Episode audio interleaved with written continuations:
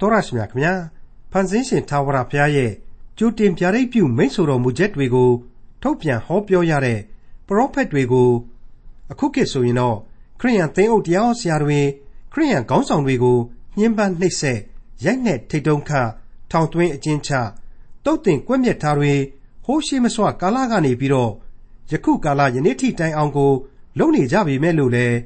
သာဝရဘုရားကိုယုံကြည်ကိုးကွယ်မှုနဲ့ခရိယန်ဆိုတာ ဒီလောကကဘာကြီးကနေပျောက်ကွယ်မသွားခဲ့ပါဘူး။ဘာကြောင့်ပါလဲ။ဖျားရှင်ရဲ့အဆိုအမိန့်အလုံးစုံကိုမှတ်တမ်းတင်မှင်နဲ့ရေးထားတဲ့စာလီကြီးကိုမိရှုပစ်ခဲ့ပေမဲ့လို့ပြန်လဲပေါ်ပေါက်လာရတာကို အထင်ရှားတွေ့ရမှာဖြစ်တဲ့ခရိယန်တမန်ကျမ်းရဲ့ဓမ္မဟောင်းကျမ်းပိုင်းတွေကယေရမိနာဂတိကျမ်းအခန်းကြီး34အခန်းကြီး35နဲ့အခန်းကြီး36တို့ကိုဒီကနေ့သင်သိရသောတမန်ကျမ်းအစီအစဉ်မှာလေ့လာမှာဖြစ်ပါတယ်။ ဖျားရှင်ဟာလူသားတူဦးချင်းစီရဲ့နှလုံးသားစိတ်အစဉ်နဲ့အစ္ဆတအတွင်းသဘောကို ရှုမြင်နိုင်တော်မူကြောင်းယေရမိအနာဂတိကျမ်းအခန်းကြီး34အခန်းကြီး35နဲ့အခန်းကြီး36တို့ကိုဒေါက်တာထွန်းမြတ်အေးကအခုလိုရှင်းလင်းတင်ပြထားပါတယ်။ယေရမိအနာဂတိကျမ်းအခန်းကြီး34အငယ်1မှ9ဘာဘူးလုံရှင်ဘရင်နေဘုခတ်နေဇာမင်းကြီးသည်ဘိုးကြီးအပေါင်းအစိုးရတော်မူသမျှသောတိုင်းနိုင်ငံသား လူမျိုးအသီးအသီးအပေါင်းတို့နှင့်တကွယေရုရှလင်မြို့ကို၎င်းထိုမြို့နှင့်ဆိုင်သောမြို့ရွာတို့ကို၎င်းတိုက်သောအခါထာဝရဘုရား၏နှုတ်ကပတ်တော်သည်ယေရမိသို့ရောက်၍ဣသရေလအမျိုး၏ဘုရားသခင်ထာဝရဘုရားမိန့်တော်မူသည်ကားသင်သည်ယူရရှင်ဘရင်ဇေတကိကိုတွား၍ပြောရမည်မှာထာဝရဘုရားမိန့်တော်မူသည်ကားဤမြို့ကိုဘာဘူးလုံရှင်ဘရင်လက်သို့ငါအပ်၍သူသည်မိရှို့လိမ့်မည်သင်သည်ထိုမင်းလက်နှင့်မလွတ်ရစင်စစ်သင်ကိုဖမ်းဆီး၍ထိုမင်းလက်သို့အပ်ကြလိမ့်မည် သင်သည်ဘာဘူးလုံရှင်ဘရင်ကိုမျက်နှချင်းဆိုင်၍တယောက်နှင့်တယောက်စကားပြောရလိမ့်မည်ဘာဘူးလုံမြို့သို့လည်းသွားရလိမ့်မည်တို့ရတွင်ယူရရှင်ဘရင်ဇေတကိမင်းကြီးထာဝရဘုရား၏စကားတော်ကိုနားထောင်လော့မင်းကြီးကိုရည်မှတ်၍ထာဝရဘုရားမိန့်တော်မူသည်ကသင်သည်ဓာဖြင့်အသေးမခံရငြိမ်ဝတ်စွာသေ၍သင်ရှိမှစိုးစံသောဘိုးတော်ဘေးတော်တို့အဖို့ပြုတ်ဘူးသည်နိတူသင်အဖို့နတ်သားပေါင်းကိုမိရှုလျက်အောသခင်ဟူ၍ ငိုကြွေးမြည်တမ်းကြလိမ့်မည်ငါပြောထားပြီဟုထာဝရဘုရားမိန့်တော်မူ၏ဘာဘူးလုံရှင်ဘရင်ဘိုဂျေတို့သည်ရှင်ဘရင်ဤဘိုဂျေတို့သည်ယေရုရှလင်မြို့ကို၎င်းယူဒပြည်၌ခိုင်ခံ့၍ကြံကျွင်းသောမြို့လာခိရှာမြို့အာဇေကာမြို့ဒီဟုသောယူဒပြည်၌ကြံကျွင်းသောမြို့တို့ကို၎င်းတိုက်သောအခါပရောဖက်ယေရမိသည်ထိုစကားအလုံးစုံတို့ကိုယူဒရှင်ဘရင်ဇေဒကိအားဆင့်ဆိုလေ၏မိတ်ဆွေအပေါင်းတို့ခမညာ အခုကြားခဲ့ရတဲ့ကြံအတိုင်းပဲယူဒရဲ့နောက်ဆုံးမင်းဆက်ဖြစ်တဲ့ဇေဒကိတယောက်အမှန်တကယ်ဘယ်လိုအဖမ်းခံရမယ်ဘယ်လိုဘယ်လိုကျွန်ပြုခြင်းခံရမယ်ဘယ်လိုဘယ်လိုဘာဘူးလုံကိုလိုက်သွားရမယ်အဲ့ဒီအရာမှာဘယ်လိုသေရမယ်ဆိုတဲ့အဖြစ်ဆိုးတွေကိုဒီအနာဂတ်စကားတွေဟာကြိုတင်ဖော်ပြပေးနေပါတယ်နောက်တစ်ခုကတော့ဘာဘူးလုံဘရင်ရဲ့စစ်ရေးမဟာဗျူဟာတွေကိုပါအခုကြမ်းမှလေ့လာတွေ့ရှိနိုင်ပါတယ်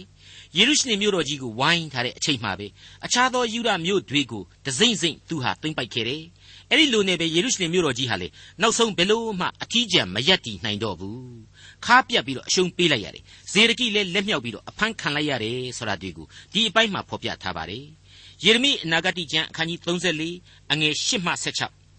ယေရုရှလင်မြို့သားအပေါင်းတို့သည်အသီးအသီးစေစားသောယူဒညီအကိုချင်းအစေခံရသောဟေပြဲအမျိုးကျွန်ယောက်ျားမိန်းမတို့ကိုနောက်တဖန်မစေစားဘဲလွှတ်စေခြင်းငှာ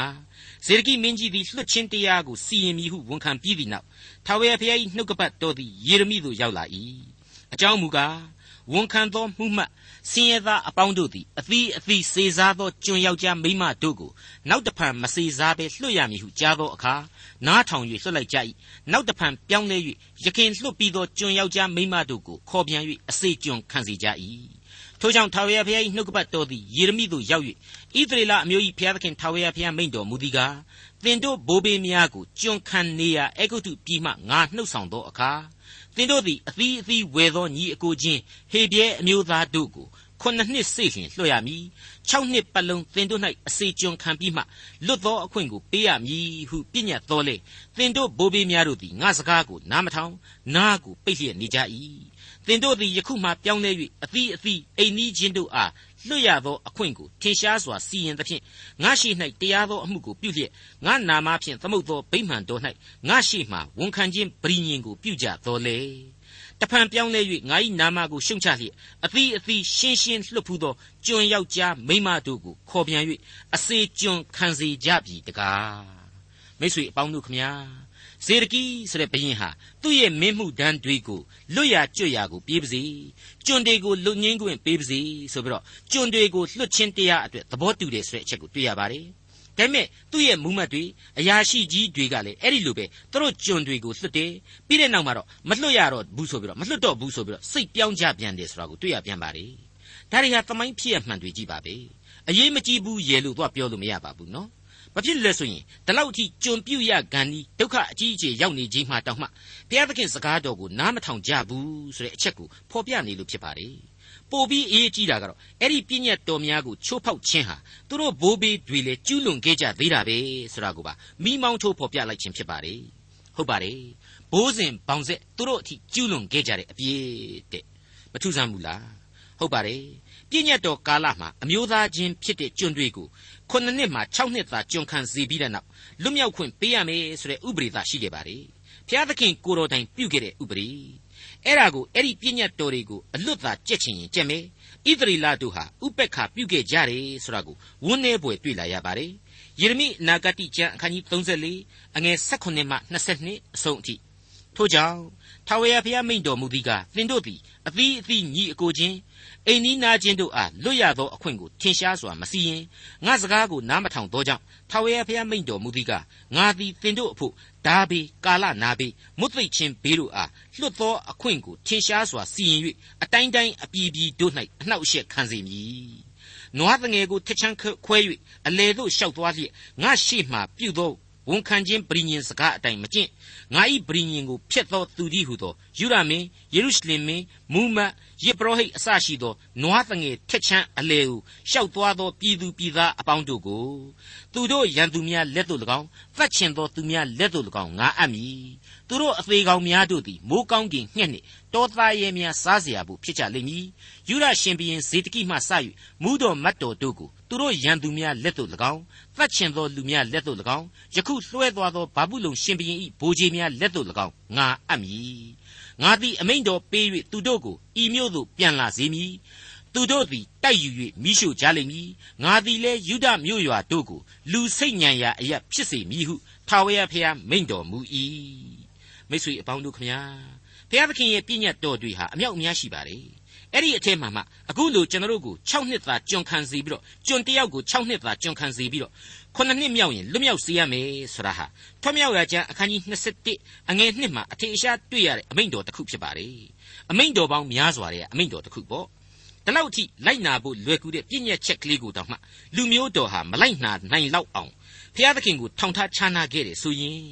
တခြားလူမှုရေးသစ္စာဖောက်မှုကြီးတွေ ပြည့်ညတ်တော်ချိုးဖောက်မှုကြီးတွေဟာဘလောက်များများခဲ့လေမလဲလို့စဉ်းစားနိုင်ပါ रे ဒီကျမ်းရဲ့အနှစ်ချုပ်ဟာလူအချင်းချင်းကိုတောင်မှခွင့်မလွှတ်နိုင်တဲ့လူစိတ်ကျွန်ဘဝကိုအတင်းဆွဲခေါ်ထားပေးပြီးတော့အဲ့ဒီကျွန်ဘဝကနေပေးပြီးတော့မလွတ်စေခြင်းတဲ့လူစိတ်နိုင်ရာစားခြင်းတဲ့လူစိတ်ငါမကြိုက်ဘူးသူများကိုကျွန်သိပ်လှုပ်ခြင်းနဲ့မင်းတို့လူမျိုးတော့မင်းတို့တတွေလေသူများလောင်းရိပ်မှာကျွန်ခံစေရမယ်လို့အပြင်းပြင်းထန်ထန်အပြစ်စီရင်လိုက်တာကိုမြင်နိုင်ပါ रे ဒီအကြောင်းတွေကိုစိတ်စိတ်စဉ်းစားတဲ့အခါမှာ ကျွန်တော်လူသားတွေရဲ့ဘုရားသခင်ကိုချစ်ကြောက်ယူသေးခြင်းနဲ့လူအချင်းချင်းပေါ်မှာချစ်ချင်းတရားဆိုတာဟာအလိုလိုဒွန်တွဲဆက်ဆက်တီးမိနေတယ်ဆိုတာကိုသတိရမိပါတယ်အလွယ်ကူဆုံးဥပမာကလေးကိုညှို့ရမယ်ဆိုရင်တော့လွန်ခဲ့တဲ့နှစ်ပေါင်း80ကျော်ကာလအတွင်းမှာဘုရားသခင်ဆိုတဲ့လောကရဲ့ကျေးဇူးတရားပေါ်ထွက်ရာသခင်ကိုအရှင်းဥစားမပေးဘဲနဲ့လူလူချင်းခေါင်းပုံဖြတ်ခြင်းမရှိတဲ့အကျွင့်မဲ့ပြည့်စုံသောလောကနိဗ္ဗာန်ကြီးကိုတိဆောက်ကြပါစို့ဆိုတဲ့ရုပ်ချမ်းဝါဒကြီးပေါ်ထွန်းခဲ့မှုကိုကျွန်တော်သွားပြီးသတိရမိခြင်းဖြစ်ပါတယ် ဘုရားသခင်ကိုမေ့လျော့ကြောခိုင်းထားတဲ့အဲ့ဒီခစ်ကြီးဟာအံ့ဩဖွယ်ကောင်းလောက်အောင်ထွန်းတောက်ရာကနေပြီးတော့အယောင်ပြက်သွားပြီမှင်းမိန်သွားပြီဆိုတာကိုတန်တော့ကျွန်တော်တို့မြင်နေရပါတယ်တစ်ချိန်တည်းမှာပဲနော်အဲ့ဒီရုပ်ဝါဒကြီးမဖြစ်ဖြစ်အောင်နှိုးဆွအားပေးရာရောက်ခဲ့တဲ့နှလုံးသားအလွန်ကင်းမဲ့လှသောအရင်ရှင်စနစ်ကြီးရဲ့ဂုတ်သွေးဆုပ်မှုတွေလူလူချင်းမတရားကောင်းပုံဖြတ်မှုတို့တွေဆိုတာတွေဟာလေဘယ်လို့မှဒင်းပြည့်ကြက်ပြည့်မကောင်းနိုင်တဲ့အခြားသောစနစ်ဆိုးတစ်ခုကိုသာဖြစ်ပွားစေတယ်ဆိုတာကိုလေစင်ကျင်နှလုံးသွင်းမိပြန်ပါလေ ဘလောက်ပဲဘုရားသခင်ကိုယုံကြည်ပါတယ်လို့ပြောနေနေနော်နှလုံးသားကင်းမဲ့ခဲ့တဲ့အဲ့ဒီဘာနဖူးတိုက်တူးတဲ့စနစ်နဲ့ဖျားမဲ့ရုပ်ကြမ်းဝါဒတို့ဟာလူအဖွဲ့အစည်းအတွင်းမှာဘုရားသခင်လိုအပ်ကြောင်းကိုမိမောင်းထိုးပြနေတယ်လို့ကျွန်တော်ဆိုချင်ပါတယ်မိတ်ဆွေအပေါင်းတို့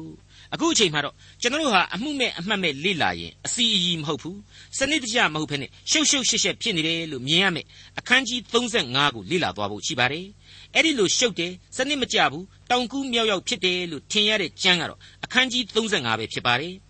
ယုဒပြည်ကိုနေပုခတ်နေစာရဲ့ဘာပုလုံတွေသိမ့်စပြုတ်နေပြီဆိုတဲ့အခန်းကြီး34ဖော်ပြချက်တွေကနေပြီးတော့နောက်ပြန်ဆုတ်သွားတဲ့ကျမ်းတစ်ခုဖြစ်တယ်။ နောက်ဆုံးမင်းဇေတကိကနေပြီးတော့ယောယကိန်အမည်ရှိတဲ့ဘုရင်ရဲ့ခေတ်ကိုနှစ်ပေါင်းအတန်ကြာအတိတ်တို့ပြန်ပြီးတော့အစဖော်လာပြန်တယ်ဆိုတဲ့ကျမ်းပဲဖြစ်ပါတယ်။ဟုတ်ပါတယ်။အခန်းကြီး35ဟာအငယ်1ကနေ7အတွင်းမှာအခုလိုဆိုဖွဲ့ထားကြောင်းတွေ့မြင်ရပါတယ်။ယုဒရှင်ဘုရင်ယောရှိသားယောယကိန်မင်းလက်ထက်ထာဝရဘုရား၏နှုတ်ကပတ်တော်သည်ယေရမိသို့ရောက်လာသည်ကား သင်သည်ရေခပ်အမျိုးသားတို့အိမ်သို့သွား၍သူတို့နှင့်နှုတ်ဆက်ပြီးမှဗိမာန်တော်အခန်းတခန်းတဲသို့ခေါ်သွင်း၍စပြည့်ရည်ကိုတိုက်ပေးလော့ဟုမိန့်တော်မူသည့်အတိုင်းငါသည်ဟာပစိညာသားဖြစ်သောယေရမိ၏သားယာဇညာမှစ၍သူ၏ညီအကိုတို့နှင့်သားများအပေါင်းရေခပ်အမျိုးသားအပေါင်းတို့ကိုခေါ်၍ဗိမာန်တော်အတွင်တကားဆောင်ရှလုံသားမာသေယ၏အခန်းအပေါ်မူတော်မတ်တော်စည်းဝေးရာအခန်းအနားမှာအခန်းနားမှာဖျားသခင်ဤလူဤကဒါလိသား ဟာနန်ဤသားတို့နေသောအခန်းတဲသို့ဆောင်းသွားပြီးလျှင်ထိုရေခတ်အမျိုးသားတို့ရှိ၌စပြည့်ရည်နှင့်ပြည့်သောအိုးများနှင့်ခွက်ဖလားတို့ကိုထည့်၍စပြည့်ရည်ကိုတောက်ကြပါဟုသူတို့အားဆို၏သူတို့ကလည်းအကျွန်ုပ်တို့သည်စပြည့်ရည်ကိုမတောက်ပါအကြောင်းမူကားအကျွန်ုပ်တို့၏အမျိုးအဖရေခတ်၏သားယောနဒတ်ကသင်တို့မှစ၍သားစဉ်မြေးဆက်တို့သည်စပြည့်ရည်ကိုမတောက်ရကြအိမ်ကိုလည်းမဆောက်ရမျိုးစေ့ကိုလည်းမကျဲရစပြည့်ဥယျင်ကိုလည်းမဆိုင်ရမရှိစေရကြ သင်တို့သည်ဧည့်သည်ဖြစ်လျက်နေသောပြည်၌အသက်တာရှိမည်အကြောင်းတစ်သက်လုံးတဲနှင့်သာနေရကြမည်ဟုအကျွန်ုပ်တို့ကိုမှားထားပါပြီထို့ကြောင့်အကျွန်ုပ်တို့သည်မယားသားသမီးနှင့်တကွတစ်သက်လုံးစပြည့်ရီကိုမတော့နေစရာဖို့အိမ်ကိုလည်းမဆောက်စပြည့်ဥယျင်မရှိလေယာမရှိမျိုးစေ့မရှိတဲနှင့်သာနေ၍အကျွန်ုပ်တို့အမျိုး၏အဖရေခတ်သာယောနဒတ်မှားထားသမျှသောစကားကိုနားထောင်လျက် အဖယောနဒတ်မှားထားသမျှအတိုင်းပြုကြပါပြီဘာဘူးလုံရှင်ဘရင်နေပုခတ်နေစာသည်ဤပြည်သို့လာသောအခါအကျွန်ုပ်တို့ကလာကြယေရုရှလင်မြို့သို့သွားကြကုန်အံ့ခါလဒဲစစ်သူရဲနှင့်ရှုရိစစ်သူရဲတို့ကိုကြောက်เสียရှိသည်ဟုအချင်းချင်းပြောဆို၍ယခုယေရုရှလင်မြို့၌နေကြပါသည်ဟုဆိုကြ၏ရေခတ်အမျိုးသားတို့ဆိုတဲ့ လူမျိုးတော်အစုအဝေးတစုရဲ့အကြောင်းကိုဒီအပိုင်းမှာဖော်ပြထားပါတယ်အများစုဟာဘုရားသခင်စကားကိုနားမထောင်ကြဘူးဆိုတဲ့အချိန်မျိုးမှာအခုရေခတ်အမျိုးသားတွေအမျိုးသားစုတွေဟာတော့ဘုရားသခင်ရှိတော်မှာဣသရေလလူမျိုးတဲကလူကောင်းသူကောင်းအစိတ်အပိုင်းများအဖြစ်ပေါ်ထွန်းလာရတယ်လို့ကျွန်တော်မြင်နိုင်ပါတယ်ဟုတ်ပါတယ်ဟေရှာယနဂတိကျမ်းသင်ခန်းစာတွေမှာကလေးကကျွန်တော်ကြားနာခဲ့ကြပြီးပါပြီဘုရားသခင်ကဘလောက်ပဲရှင်းရှင်းဖြစ်စီမယ်လို့ပြောနေနေသူ့ကိုယုံကြည်ကိုးကွယ်တဲ့လူစု သူ့စကားကိုနားထောင်တဲ့လူစုကြံကျွေးနေတာကိုအမြဲသတိတရဖော်ပြလိရှိတယ်ဆိုတဲ့အချက်ကိုကျွန်တော်မှတ်မိထားဖို့လိုပါတယ်ဟေရှာယအနာဂတိကျမ်းအခန်းကြီး6အငယ်73မှာမြင်ရတဲ့အချက်ရှိပါတယ်ထိုပြည်၌ဆယ်ဖို့တဖို့ကျွင်းတော်လေထိုအကျွင်းသည်အထက်ထက်ဖြစ်စည်းခြင်းကိုခံရလိမ့်မည်တို့ရတွင်ထင်းယူပင်နှင့်တပိတ်ပင်တို့ကိုခုတ်လှဲ၍သင့်ငုတ်သည်ကျွင်းတဲ့ကဲ့သို့တန်ရှင်းသောအနွယ်သည်ထိုပြည်၌အငုတ်ဖြစ်လိမ့်မည်ဟုမိန့်တော်မူ၏တဲ့ မိတ်ဆွေအပေါင်းတို့လူမျိုးတော်ဆိုတဲ့စည်ရင်ကိုဝင်တဲ့အတွက်လူမျိုးတော်ရဲ့ကျိန်စာကတော့ဒီရေခတ်လည်းမလွတ်နိုင်ဘူးတခြားဘယ်လူမျိုးစုမှလည်းမလွတ်နိုင်ဘူးဒီအလံအောက်မှာအကုန်လုံးခံရမှာကြီးပဲဒါပေမဲ့ဘုရားသခင်ဟာလူသားတဦးချင်းရဲ့နှလုံးသားစိတ်အစဉ်ကိုနားလေတယ်အစ္ဆဒအတွင်သဘောကိုရှုမြင်နိုင်တယ်သူဟာဖန်ဆင်းရှင်ဖြစ်တယ်ဆိုတာဒီကိုကျွန်တော်တို့သိကြရပြီးပြီကျွန်တော်တို့ကိုကိုကိုသိတာတက်တောင်မှဖန်ဆင်းရှင်ဟာပို့ပြီးတော့သိမြင်နိုင်တယ် သူဟာအဲ့ဒီလူတဦးချင်းဖြစ်စီအဲ့ဒီအနည်းငယ်တို့အတွက်ဖြစ်စီဂျေဇုတော်နဲ့ပြန်လဲရှင်သန်ခွင့်သို့မဟုတ်ကဲတင်ခြင်းအခွင့်ဆိုတာကိုမုတ်ချပေးမှဖြစ်တဲ့အကြောင်းကိုကျွန်တော်တို့ကိုနှုတ်ကပတ်တော်ဟာသွန်သင်ပေးလျက်ရှိနေပါတယ်ယေရမိအနာဂတိကျမ်းအခန်းကြီး35အငယ်16မှဏီကုံအထိရေခတ်သားဖြစ်သောယောနဒတ်ဤသားမြေးတို့သည်မိမိတို့အဘမှားထားသောစကားအတိုင်းကျင့်ကြ၍ ဤလူမျိုးသည်ငါစကားကိုနားမထောင်သောကြောင့်ဣသရေလအမျိုး၏ဘုရားသခင်ကောင်းကင်ဘုရားအရှင်ဘုရားသခင်ထာဝရဘုရားမိန့်တော်မူသည်ကားငါသည်ချင်းသမျှသောဘေးဥပတ်တို့ကိုယူဒပြည်သူယေရုရှလင်မြို့သားအပေါင်းတို့အပေါ်သို့ရောက်စေမည်အကြောင်းမူကားငါပြောတော်လေသူတို့သည်နားမထောင်ကြခေါ်တော်လဲမထူးကြဟုမိန့်တော်မူ၏ယေခပ်အမျိုးသားတို့အားလေယေရမိဆင့်ဆိုသောဣသရေလအမျိုး၏ဘုရားသခင်ကောင်းကင်ဘုရားအရှင်ဘုရားသခင်ထာဝရဘုရား၏အမိန့်တော်ဟုမူကား သင်တို့သည်သင်တို့အဖယောနဒတ်၏ပြည့်ညတ်စကားကိုနားထောင်၍သူစီရင်ထုံးဖွဲ့သမျှအတိုင်းကျင့်ဆောက်ကျကျင့်ဆောင်သောကြောင့်ရေခတ်သားယောနဒအမျိုး၌ငါအမှုဒန်းတို့သည်အစဉ်ရှိကြလိမ့်မည်ဟုဣသရေလအမျိုး၏ဘုရားသခင်ကောင်းကင်ဘိုးကြီးအရှင်ထာဝရဘုရားမိန့်တော်မူ၏သူတို့အဖယောနဒရဲ့ပြည့်ညတ်စကားကိုနားထောင်တဲ့ရေခတ်အမျိုးသားများတဲ့သမိုင်းမှာသိပ်ပြီးတော့မထင်မရှားလှပါဘူးပြောင်ပြောင်မြောက်မြောက်လေသိပ်မရှိလှတဲ့လူမျိုးတစ်ခုပါ လူအုပ်စုငယ်တစ်ခုပဲလို့ကျွန်တော်ဆိုချင်ပါတယ်အုပ်စုငယ်တာကျွန်ဖြစ်တာအားနေတာသမိုင်းပြောင်တာမပြောင်တာတွေဟာအဓိကမဟုတ်တော့ဘူးသူတို့ရဲ့အဖဟာအဖဖျားသခင်ကိုကိုးစားဖို့လိုတယ်အဲ့ဒီယုံကြည်ခြင်းအမွေကိုသူ့ရဲ့သားသမီးတွေကိုဆက်ပြီးတော့လက်ဆင့်ကမ်းပေးဖို့လိုတယ်သားသမီးမြင်းမြင့်အပေါင်းတို့ဟာလေသူတို့အဖဟာအဖဖျားသခင်ကိုကိုးစားတယ်ဆိုရင်အဲ့ဒီအဖကိုအဲ့ဒီအဖရဲ့အလိုကိုလိုက်လျှောက်နာယူမယ်ဆိုရင် ပြောင်မြောက်သည်ဖြစ်စေထင်ရှားသည်ဖြစ်စေမထင်ရှားသည်ဖြစ်စေဒီလူမျိုးဟာမုတ်ချမသွေကောင်းကြီးကိုခံစားရမှာပဲအခုအချိန်မှာတော့ယေရမိအနာဂတိကျမ်းအခန်းကြီး36ကိုဆက်လက်ဖော်ပြသွားလိုပါတယ်အခုအခန်းကြီး36ဟာလေယောယကိန်မင်းရဲ့လက်ထက်ကိုသာကျွန်တော်တို့ကိုပြန်ပြီးတော့ခေါ်သွားလိမ့်မယ်နောက်ပြန်ဆွဲသွားလိမ့်မယ်လို့ဆိုချင်ပါတယ်ဟုတ်ပါတယ်အဲ့ဒီလိုနောက်ပြန်ဆွဲပြီးဖော်ပြပြန်တဲ့အချက်တွေမြင်ကွင်းတွေဟာ ကျွန်တော်အထက်ကပြောခဲ့သလိုအစီအစဉ်သိပ်ပြီးမကြနာပဲနဲ့တွေးရောရှက်တင်ဖြစ်စေတယ်တောင်ကူးမြောက်ပြီးဖြစ်စေတယ်လို့မြင်ရစေတယ်ဆိုတာကိုကျွန်တော်ပြောခဲ့ပြီးဖြစ်ပါတယ်ဘယ်လိုပဲပြောပြောပါအခုလိုနောက်ကျောင်းပြန်ဖော်ပြသောကျမ်းတို့အဖြစ်ဖြစ်စဉ်အဟောင်းတွေမှာမတွေ့ခဲ့ရတဲ့အခန်းအသစ်ဖြစ်သောဖြစ်ရတွေဟာပေါ်လာနေတယ်ဆိုတာကိုသတိချက်ကြရပါလိမ့်မယ်အခန်းကြီး35တုန်းကရေခပ်ဆိုတဲ့လူမျိုးတွေအကြောင်းကိုအဆန်းအသစ်တွေအဖြစ်တွေ့ရသလိုသင်ခန်းစာကောင်းတွေလည်းရခဲ့ရပြီးပြီအခုအခန်းကြီး36မှာဆိုရင် အရင်ကမတွေ့ရတဲ့ယောယကိန်ရဲ့ကန်းကုံအောင်မိုက်မဲဘုံတွေဘုရားသခင်ရဲ့နှုတ်ကပတ်တော်တွေကိုတော့မှမိရှုဖျက်ဆီးဖို့လုပ်ခဲ့တယ်ဆိုတာတွေကိုတွေ့ရလိမ့်မယ်ဆိုတာကိုကျွန်တော်ကြိုတင်ဖော်ပြပေးလိုက်ချင်ပါတယ်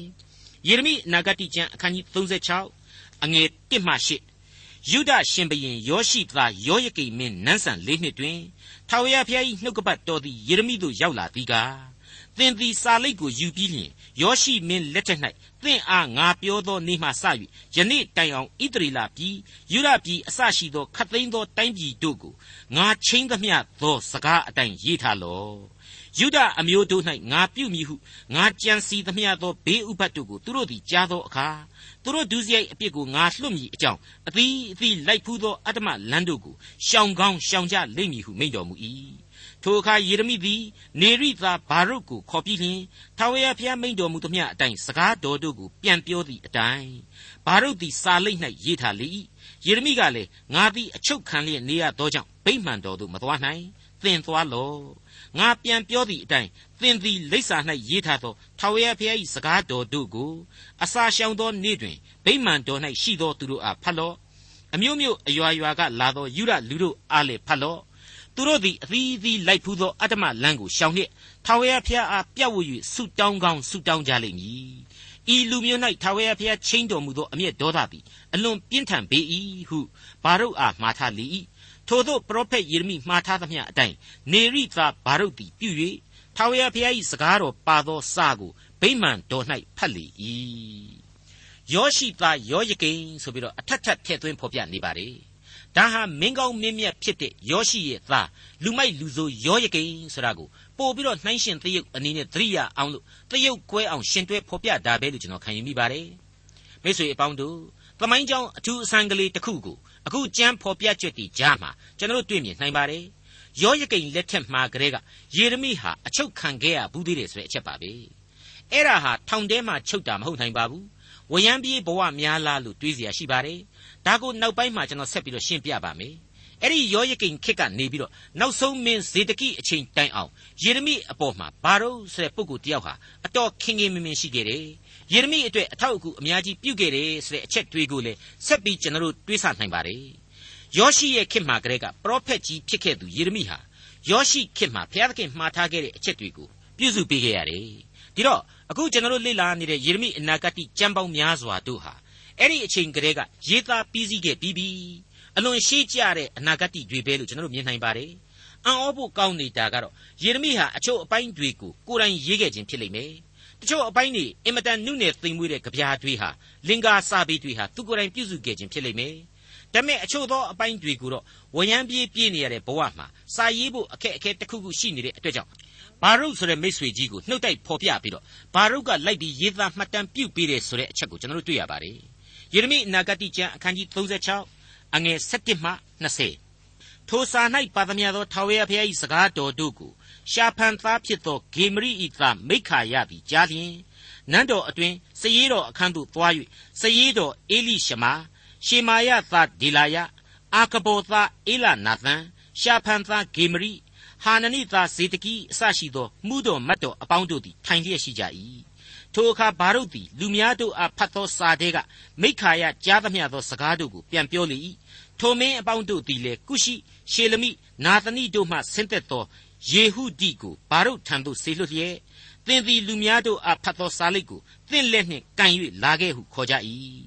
နေရိသာဘာရုတ်သည်လည်းစာလိပ်ကိုကန်၍လာ၏သူတို့ကလည်းထိုင်လော့ငါတို့အားဖတ်လော့ဟုဆိုသည့်အတိုင်းဘာရုတ်သည်သူတို့ရှေ့မှဖတ်လေ၏ ထိုစကားအလုံးစုံတို့ကိုမင်းများတို့သည်ကြားလျင်အချင်းချင်းကြောက်ရွံ့သောစိတ်ရှိ၍ငါတို့သည်ဤစကားအလုံးစုံတို့ကိုရှင်ဘရင်အားဆက်ဆက်ကြားလျှောက်ရမည်ဟုဘာရုတ်ကိုဆိုကြ၏တဖန်သင်သည်ဤစကားအလုံးစုံတို့ကိုသူ့နှုတ်မွက်သည့်အတိုင်းအဘယ်သို့ရေးထားသနည်းဟုမေးမြန်းလျင်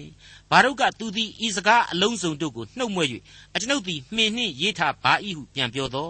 မင်းများတို့ကသင်သွားလော့ယေရမိနှင့်အတူပုန်းရှောင်၍နေလော့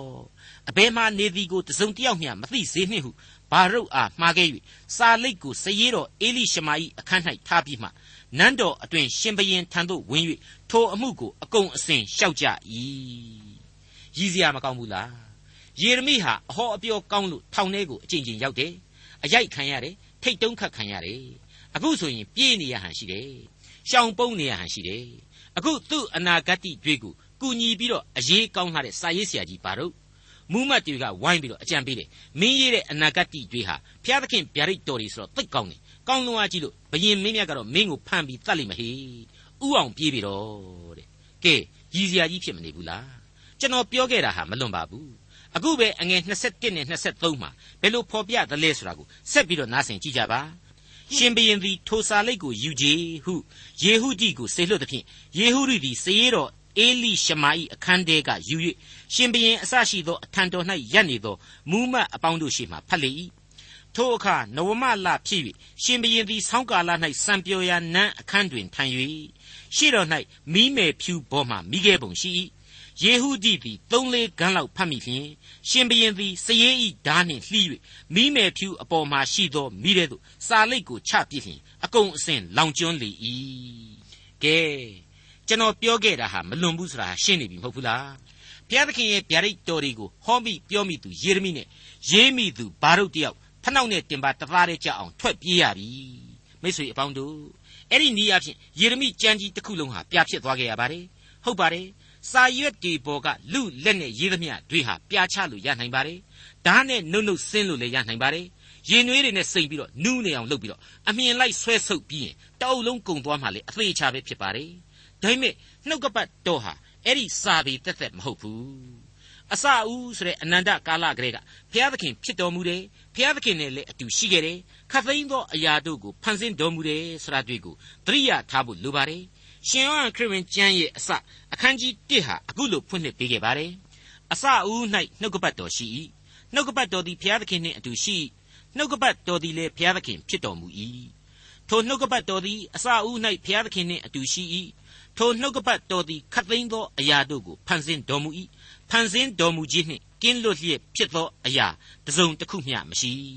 ထိုနှုတ်ကပတ်တော်၌အသက်ရှိ၏ထိုအသက်သည်လည်းလူတို့၏အလင်းဖြစ်၏ထိုအလင်းသည်မှောင်မိုက်၌လင်း၍မှောင်မိုက်သည်မခံမယူတဲ့မှန်ပါတယ်မိတ်ဆွေအဲ့ဒီလိုအသက်တရားဖြစ်တဲ့နှုတ်ကပတ်တော်အသက်ဝိညာဉ်ပါတဲ့နှုတ်ကပတ်တော်ဆိုတာကိုတော့မင်းဆိုးမင်းမိုက်ရောရကိန်းဟာဘယ်လို့မှဖျောက်ဖျက်မပြစ်နိုင်ခဲ့ပါဘူး မဖြောက်ဖျက်နိုင်ုံသာမကဖြောက်ဖျက်ခြင်းပြုခဲ့သူလူမိုက်သားလျင်ဘယ်လိုအပြစ်ဒဏ်ကိုရင်ဆိုင်ရမယ်ဆိုတဲ့အချက်တွေးကိုရှေ့မှာဆက်ပြီးတော့အခုလိုတွေးနိုင်ပါလိမ့်မယ်ယေရမိအနာဂတ်ကျမ်းအခန်းကြီး36အငယ်28မှ31ယေရမိနှုတ်မွက်သည့်အတိုင်းဘာတို့ရေးထားသောထိုစာလိပ်ကိုရှင်ဘရင်မိရှုသောနောက်ထာဝရဘုရား၏နှုတ်ကပတ်တော်သည်ယေရမိသို့ရောက်လာသည်ကား သင်သည်အခြားသောစာလိပ်ကိုယူ၍ယူရရှင်ဘရင်ယောယကိမိရှုသောအရင်စာလိပ်၌ပါသမျှသောစကားရင်းအတိုင်းရေးထားလော့သင်သည်ယူရရှင်ဘရင်ယောယကိအားပြောဆိုရမည်မှာထာဝရဘုရားမိန့်တော်မူသည်ကဘာဘူးလုံရှင်ဘရင်သည်ဆက်ဆက်လာ၍ဤပြည်ကိုဖျက်ဆီးလိမ့်မည်လူနှင့်တိရစ္ဆာန်အပေါင်းတို့ကိုတုတ်တင်ပယ်ရှင်းလိမ့်မည်ဟူသောစကားကိုအဘယ်ကြောင့်ရေးထားသနည်းဟုသင်သည်ဆို၍စာလိတ်ကိုမိရှုပြီထို့ကြောင့် ထာဝရဘုရားသည်ယူရရှင်ဘရင်ယောယကိန်ကိုရည်မှတ်၍မိန့်တော်မူသည်ကားသူ၏အမျိုးအနွယ်သည်ဒါဝိဒ်၏ယာစပလင်ပေါ်မှမထိုင်ရသူ၏အသေးကောင်ကိုနေ့အချိန်၌နေပူတဲသို့၎င်းညအချိန်၌နှင်းကဲတဲသို့၎င်းပြစ်လိုက်ကြလိမ့်မည်သူမဆာ၍သူ၏သားမြေးတို့ကို၎င်းသူ၏ကျွန်တို့ကို၎င်းအပြစ်နှင့်အလျောက်ငါစီရင်မည်သူတို့နှင့်ယေရုရှလင်မြို့သူယုဒပြည်သားတို့သည်နားမထောင် သူတို့အပေါ်သို့ငါချင်းသမျှသောဘေးဥပတ်တို့ကိုရောက်စေမည်ဟုမိန့်တော်မူ၏ကဲနှုတ်ကပတ်တော်ကမပြောက်ပြက်ဘူးပျောက်ပြက်မှဟာရောရကိန်ပဲအဲ့ဒီလိုနှုတ်ကပတ်တော်ကိုရဲရဲကြီးဓာတ်နဲ့ခုတ်မိမြှိုက်ပြီးတော့ပြာချပစ်ခဲ့တဲ့ရောရကိန်ပြီးတော့သူ့နောက်ကိုလိုက်ပြီးတော့မယိုင်းခဲ့တဲ့ဣသရေလလူအဖွဲ့အစည်းတို့အပြစ်ဒဏ်တွေခံယူခဲ့ရတဲ့အချိန်မှာပြာချသွားခဲ့ရတဲ့ယေရမိအနာဂတ်ကျမ်းဟာဝိညာဉ်တော်ခွန်အားနဲ့အသစ်ဖြစ်ပွားလာရတယ် အဲ့ဒီအသစ်ဖြစ်ပွားလာရတဲ့ကျမ်းအသစ်ဟာအဟောင်းကိုပြာချသူလူမိုက်ရဲ့အကြောင်းကိုပါအပိုဆောင်းပြီးတော့ဒီကနေ့ကျွန်တော်တို့အတွက်အလွန်ကောင်းတဲ့သမိုင်းအဖြစ်မှန်တွေကိုပါထပ်လောင်းဖော်ပြနိုင်ခဲ့ကြောင်းရှင်းနေအောင်တက်တည်တည်နေပါတော့တယ်ထိုအခါယေရမိသည်အခြားသောစာလိပ်ကိုယူ၍နေရိသာစရေးဘာရုတ်အားပေးသဖြင့်ယူရရှင်ဘရင်ယောယကိန်မိရှုသောစာ၌ပါသမျှသောစကားတို့ကိုယေရမိသည်နှုတ်မွဲ့၍ဘာရုတ်သည်ရေးထား၏ အလားတူသောစကားအများကိုလည်းထပ်၍သွင်းရ၏ဒေါက်တာထွန်းမြတ်ရေးစီစဉ်တင်ဆက်တဲ့တင်ပြရသောတမချန်းအစီအစဉ်ဖြစ်ပါတယ်နောက်တစ်ချိန်အစီအစဉ်မှာခရိယန်တမန်ကျမ်းရဲ့ဓမ္မဟောင်းကျမ်းပိုင်းတွေကယေရမိအနာဂတ်ကျမ်းအခန်းကြီး39အခန်းကြီး38နဲ့အခန်းကြီး39တို့ကိုလေ့လာမှဖြစ်တဲ့အတွက်စောင့်မျှော်နားဆင်နိုင်ပါတယ်။